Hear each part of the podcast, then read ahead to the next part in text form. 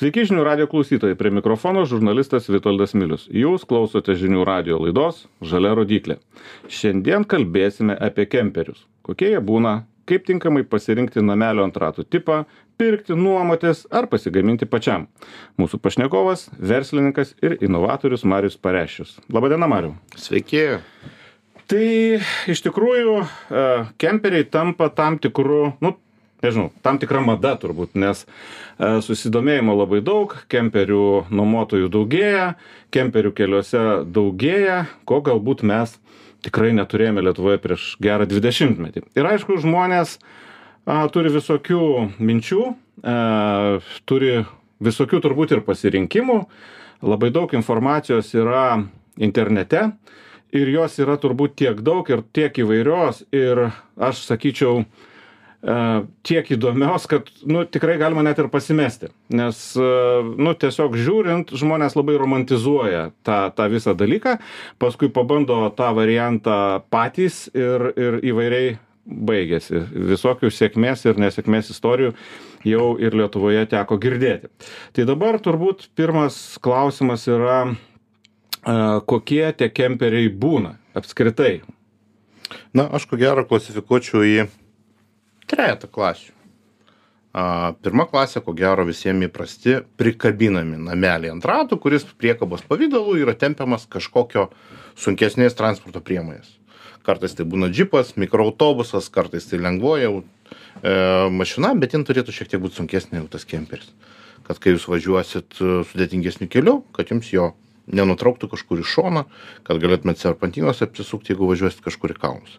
Antra kategorija tai yra kemperiai kuriuos pagamino gamintojai ir kurie yra namelis ant ratų kuris turi savo variklį kuris turi galimybę važiuoti kažkur paprastais keliais arba netgi jeigu yra gal toks e, sėkmės faktorius gal net ir keturi ant keturių kemperis kuris yra prabangus didelis gražus kuris leidžia važiuoti bekele na ir trečia kategorija yra visokie savos gamybos arba labai nestandartiniai kemperiai kuriuos žmonės arba pasigamina iš krovininio mikroautobuso, e, mažesnio e, autobusiuko, kartais iš lengvosios, kai kuriais atvejais tai gali būti modifikuotas vidutinis arba didelis sunkvežimis.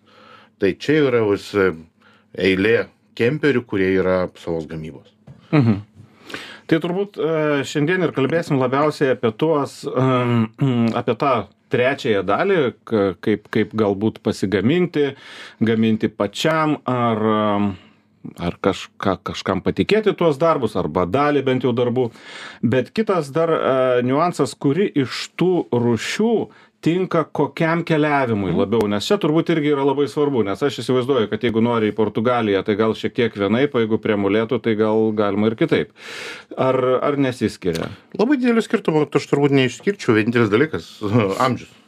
Tai jeigu šnekėt apie priekabas, kemperius priekabas, kuris yra tempiamas iš paskos automobilio, aš labai nerekomenduoju važiuoti tą pačią Portugaliją su priekaba, kuri šiai dienai yra kokių 20-30 metų amžiaus. Labai pigi, keletą tūkstančių eurų te kainuoja bet ji yra supuvusi yra nepritaikyta ilgom kelionėm ir jin tiesiog tokios kelionės neatlaikys. Subyrės pakeliui ir jūs turėsit daug rūpesčių. Bet į molėtus. Į molėtus be problemų pas močiutę į kaimą mes kaip sakom kelių šimtų kilometrų ar ten net penkių šimtų kilometrų pas artimiausius kaimynus pas latvius pas lenkus. Jūs be problemų galit keliaut su tokia priekaba ir sulūš tai sulūš nieko tokio nieko sulūš tai sulūš ten ir paliksit. Galutiniam variante pasikviesite evakuatorių kuris praktiškai už priekabos kainą mums jį parveš atgal. Nes yra kas perka tas priekabas už 500, už 1000 eurų, evakuacija tokio atstumo ir kainuos, ten 500-800 eurų, man tenka tą matyti ir net ir mes tą paslaugą teikiam kartais, e, gal galit pervežti priekabą ten iš jūsų dirbtuvių Vilniuje į mano nusipirktą sklypą prie Baltijos jūros. Lietuvių perka sklypus Latvijoje. Mhm. Ir ten daro mini kempingus. Aha. kurie atvažiuoja žmogus nusiperka kemperį, kurio vertė ten koks pusantro tūkstančio eurų. Tas kemperis negali važiuoti keliais, nes jau yra supuvęs dugnas. bet jis gali stovėti dar ten penkis metus ir žmogus jame gyvent gali be problemų atvažiuot Ant jūros kranto. savaitei mėnesiukų ir panašiai tai mes tokį kemperį pasikraunam ant tralo ant prie ant priekabos nuvežam jam į mišką latvijos pajūryje kemperis dabar stovi penki metrai nuo kopos Mhm. Latviai tai leidžia Aha. žmonės ten masiškai perka sklypus ir juose kempingauja poilsiauja nieks to kempingo nei vogs nei jį ten lis nes Nu jis taip, jis atrodo nieko labai baisiai. trisdešimties metų senumo užhidroizoliuota viskas kad jisai drėgmės neturėtų ant stogo stovi saulės baterija kad jisai turėtų elektrą vandens čia pat atsineša Iš jūros. iš jūros arba atsiveža pakelį dušui arba maisto pasigaminti. Yra viryklė yra galimybė nusipraust. Viskas daugiau žmogui nereikia jam reikia ramybės. O čia jūra viskas Nu gerai, tai šitie yra tokie labiau, vadinkim, nekilnojamo turto Nu, taip, jie objektai. nekilnojamo turto, kurį perkelt galima. Vietoj sodybos e, Taip, o- turi kemperį. Bet apie šitus turbūt kalbėsime mažiau arba pakalbėsime kitoje laidoje, nes irgi iš tikrųjų yra, yra niuansų, aš matau net ir Lietuvoje taip e, stovinčių, vadinkim, matau, kad ta mašina tikrai nei važiuoja, nei važiuos. Nu, arba bent jau tikrai neapsimoka daryti, kad važiuotų. yra, yra, yra tie kemperiai, kuriuos mes šnekam apie modifikuotus savos gamybos kemperiukai. COVID metu žmonės suprato, kad e, dalyvauti masiniuose renginiuose, gyventi viešbučiuose, skraidyti lėktuvais yra nesaugu. Ir praktiškai COVID metu prasidėjo vanliferių era. Vanliferiai tai žmonės, kurie gyvena savo vanę, savo mikroautobusą. Ir pradėjo tiek o, vyrukai, tiek merginos patys gaminti savo kemperius.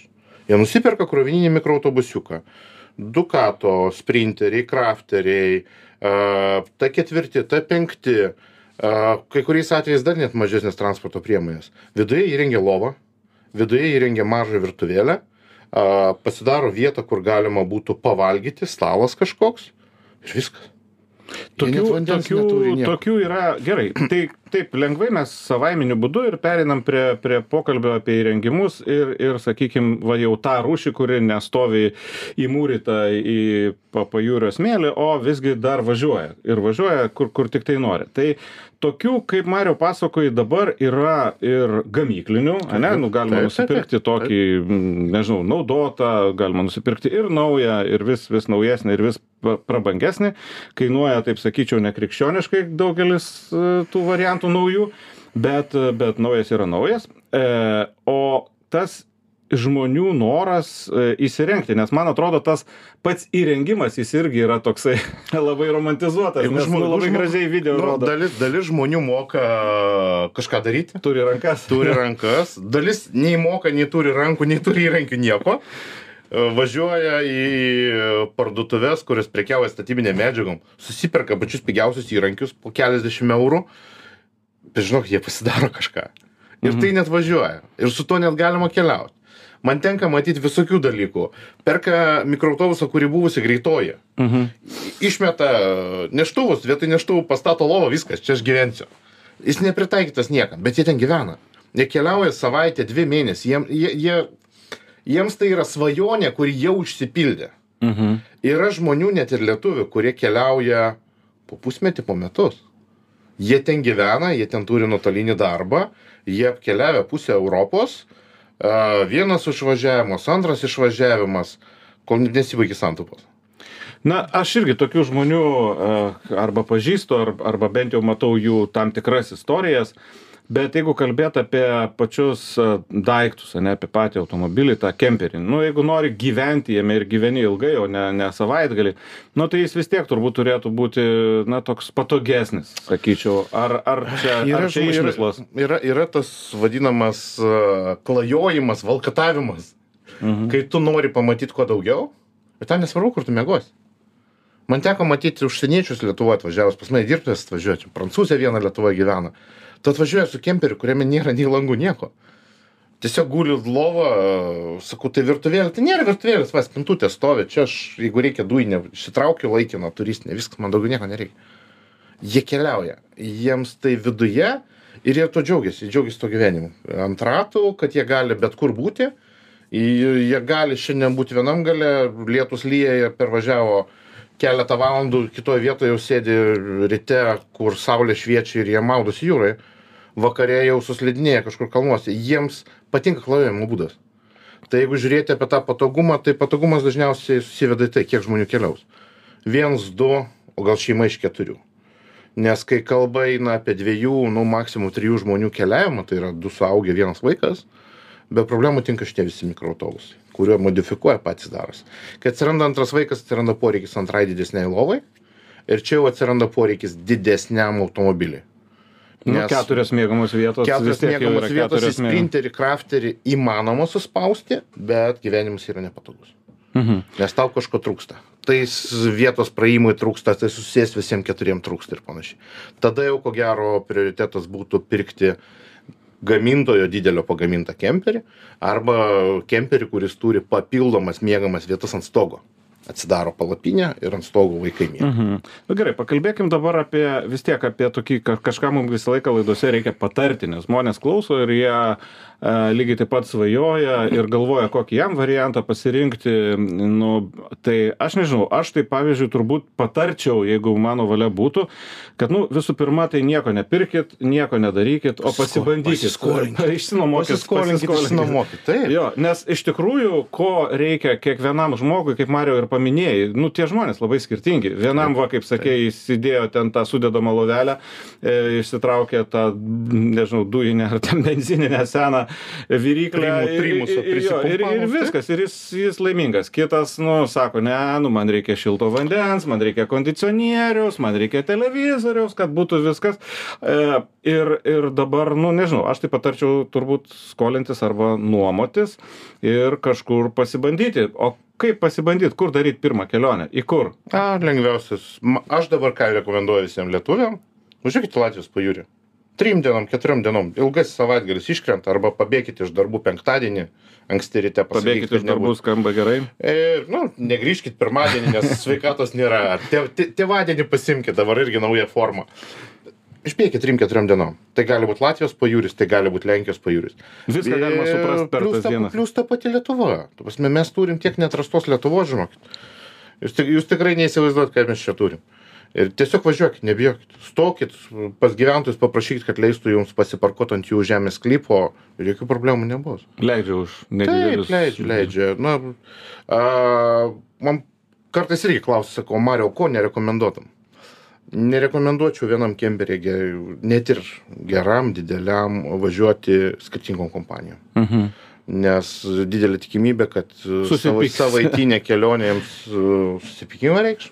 Na ir tas pats dalykas, jeigu nesat keliavę, nu, neimkit uošvių a, su savim, nes irgi taip pat yra dideli pykčiai, praktiškai 2-3 dienas žmonės uždaroj mažoje erdvėje išgyvena, susipyksta ir, ir išsiskiria. Taip, taip, Tai, nu, iš tikrųjų aš manau, kad e, maža erdvė e, sudaro tam tikrų iššūkių, net ir atrodo labai vienodo, nu, gerai sutarinti žmonės, e, nu, tiesiog ne, ne, nesueina. Aišku, jeigu oras geras, tai turbūt gyvenimas kemperį būna neilgai pačiam kemperį, tiesiog laukia labai daug buvimo ir aplinkui, aplinkui stovyklavimo tokio, bet vis tiek turbūt aš lygiai tą patį pasakyčiau, kad e, to pigaus bandymo pigiai prasisukti čia, nu, neišeina, ne, nėra prasmės turbūt. Jeigu Galima, galima keliauti su dviem. Galima keliauti su dviem kemperiais. Galima keliauti su kemperiu plus prikabinamu nameliu. Jūs galite turėti priekabą atskirai, kur vieni miega ir namelį, kur kiti miega. Nu, tai čia irgi toks jau, jau lab, nelabai matosi keliuose tokio, tokių versijų, turbūt taip, tai tikriausiai tai yra įmanoma, bet nu, bus dar mažiau irgi patogu važiuoti, nes jau tas vienas kemperis važiuoja e, visaip. Ir dabar, jeigu kalbėt apie važiavimą, mes, nu irgi čia nuvažiuoti prie jūros e, ar Latvijoje ir Lietuvoje, truputėlį pasibandyti, suprasti, kaip veikia įrangos e, įvairios, nes yra tikrai tam tikrų specifinių dalykų. Na ir jeigu visgi man romantika liepia važiuoti toliau, e, tai ten vėlgi yra visokie kelių mokesčiai, skirtumai, aukščiai, Keltai. e, keltai, kaip ten galų gale greičiai, ne kokiu greičiu gali važiuoti ten Vokietijos greitkelyje su kemperiu. Kaip manai, jeigu reikia tiesiog nori, esi toks aktyvus, nori daug matyti, kaip minėjai, e, nu to komforto gal ten vidutiniškai, e, užtenka tokio, nu ne visai, kad jau ten kaip, kaip ta moteriškė tavo minėta, bet, bet ką nors truputį geriau, tikrai tų variantų yra. Kaip, kaip padaryt taip kaip važiuot būtų patogu kad važiuot galėtum ganėtinai greitai kad važiuot galėtum daugelyje šalių su srautu o ne būti kažkokiu tai spūsčių sudarytoju Man, mano mėgiami kemperiai tokiu atveju yra taip. Jeigu reikia žemo greito, tai dar ko gero Volkswagen bazė, karavelė, ta ketvirtukas, ta penktukas, ta šeštukas. A, bet mano asmeninis kemperis šiai dienai yra a, sprinteris, 3 litrai, automatas, didelis, aukštas ir ilgas.